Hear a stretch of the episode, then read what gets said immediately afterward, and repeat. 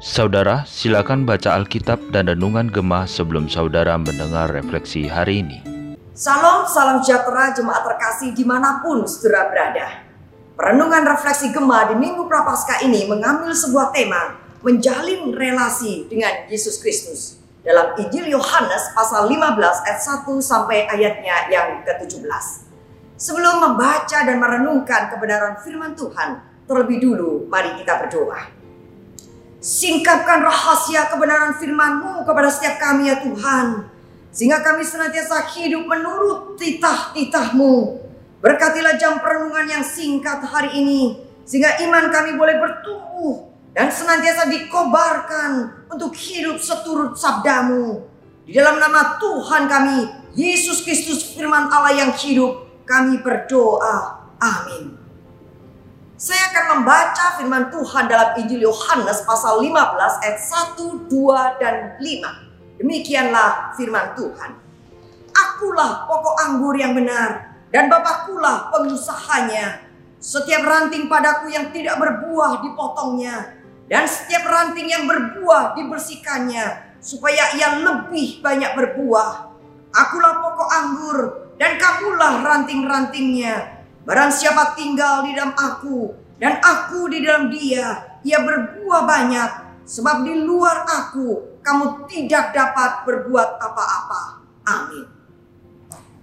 Saudara Tuhan Yesus menggambarkan relasi antara dirinya dengan para muridnya sebagai hubungan antara pokok anggur dengan ranting-rantingnya.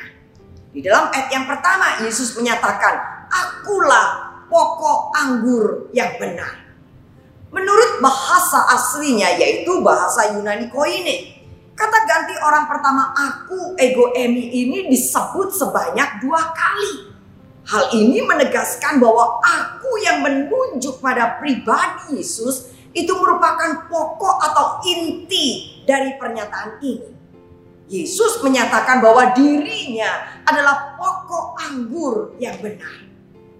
Saudara kata yang diterjemahkan sebagai benar dalam bagian ini adalah aletenos. Yang berarti sungguh-sungguh, asli, sejati, benar.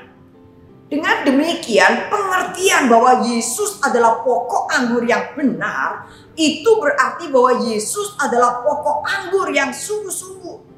Yesus adalah pokok anggur yang sejati, yang asli. Pernyataan Yesus ini sekaligus merupakan suatu pengungkapan rahasia relasi antara Yesus dengan Bapaknya. Sekaligus juga relasi antara Yesus dirinya dengan para muridnya. Saudara dalam Injil Yohanes pasal 15, Yesus mengajarkan mengenai relasi kita sebagai orang percaya itu dalam tiga lapisan. Yang pertama, lapisan atas yaitu ayat 1 sampai 11. Relasi antara orang percaya dengan Kristus. Yang kedua, lapisan dalam ayat 12 sampai ayat 17, yaitu relasi antara sesama orang percaya. Dan yang ketiga, lapisan luar ayat 18 sampai ayatnya ke-27, yaitu relasi antara orang percaya dengan dunia berkenaan dengan tema pada hari ini, maka kita lihat ayat yang kelima yang tadi kita sudah baca. Surah ini menjelaskan mengenai relasi antara orang percaya dengan Kristus. Di situ dikatakan bahwa barang siapa tinggal di dalam aku dan aku di dalam dia, ia berbuah banyak. Sebab di luar aku kamu tidak dapat berbuat apa-apa. Saudara bagian ini menegaskan bahwa ranting tidak akan bisa hidup dan tidak bisa menghasilkan buah bila ranting tersebut tidak menempel pada pokok anggurnya. Dengan pengertian bahwa ranting yang terlepas dari pokoknya itu akan segera mengering dan mati sehingga harus dibuang. Saudara sama seperti ranting yang harus menempel terus pada pokoknya. Demikian pula Para murid harus terus membangun relasi dengan Kristus, sang pokok anggur yang benar, supaya ia bisa berbuah. Saudara-saudara pentingnya relasi para murid dengan Kristus juga berlaku bagi semua orang percaya di sepanjang abad. Bila kita tidak menjalin relasi dengan Kristus melalui pembacaan Alkitab, firman Tuhan, melalui doa, maka kita tidak bisa bertumbuh dan berbuah. Melainkan justru sebaliknya, kita akan mati seperti ranting yang mengering karena terlepas dari pokoknya. Saudara menjalin relasi yang erat dengan Kristus melalui pembacaan firman Tuhan. Itu sangat bermanfaat untuk mengoreksi cara hidup kita. Untuk membuat kita semakin bertumbuh menjadi dewasa secara rohani.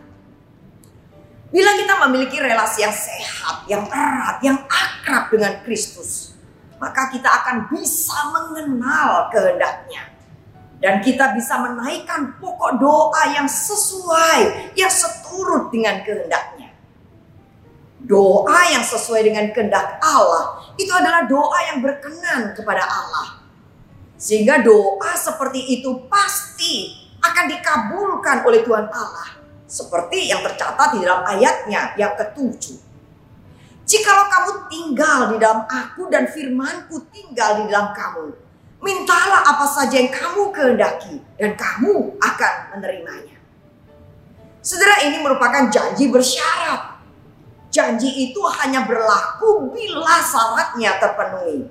Yaitu jikalau kita menjalin relasi dengan Kristus. Union with Christ. Tinggal di dalam sang pokok anggur yang benar. Dan firman Allah itu tinggal di dalam kita.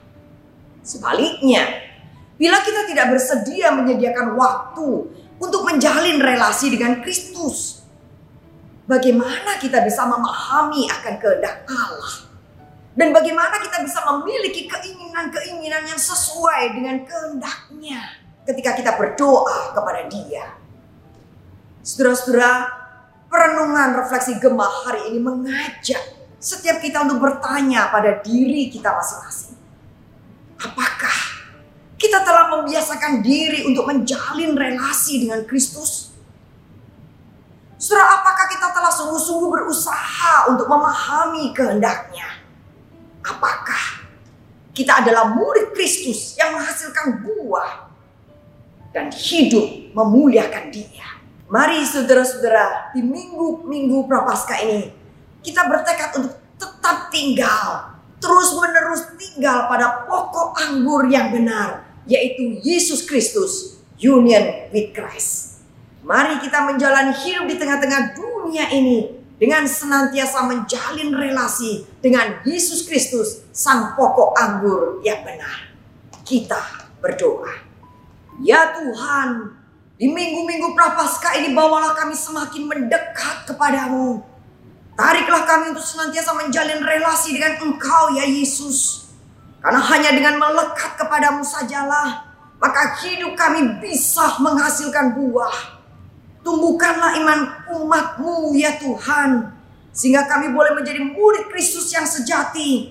Murid yang menghasilkan buah. Murid yang menyatakan kemuliaan Tuhan di tengah-tengah dunia ini. Di dalam nama Kristus sang pokok anggur yang benar. Kami berdoa. Amin. Tuhan memberkati.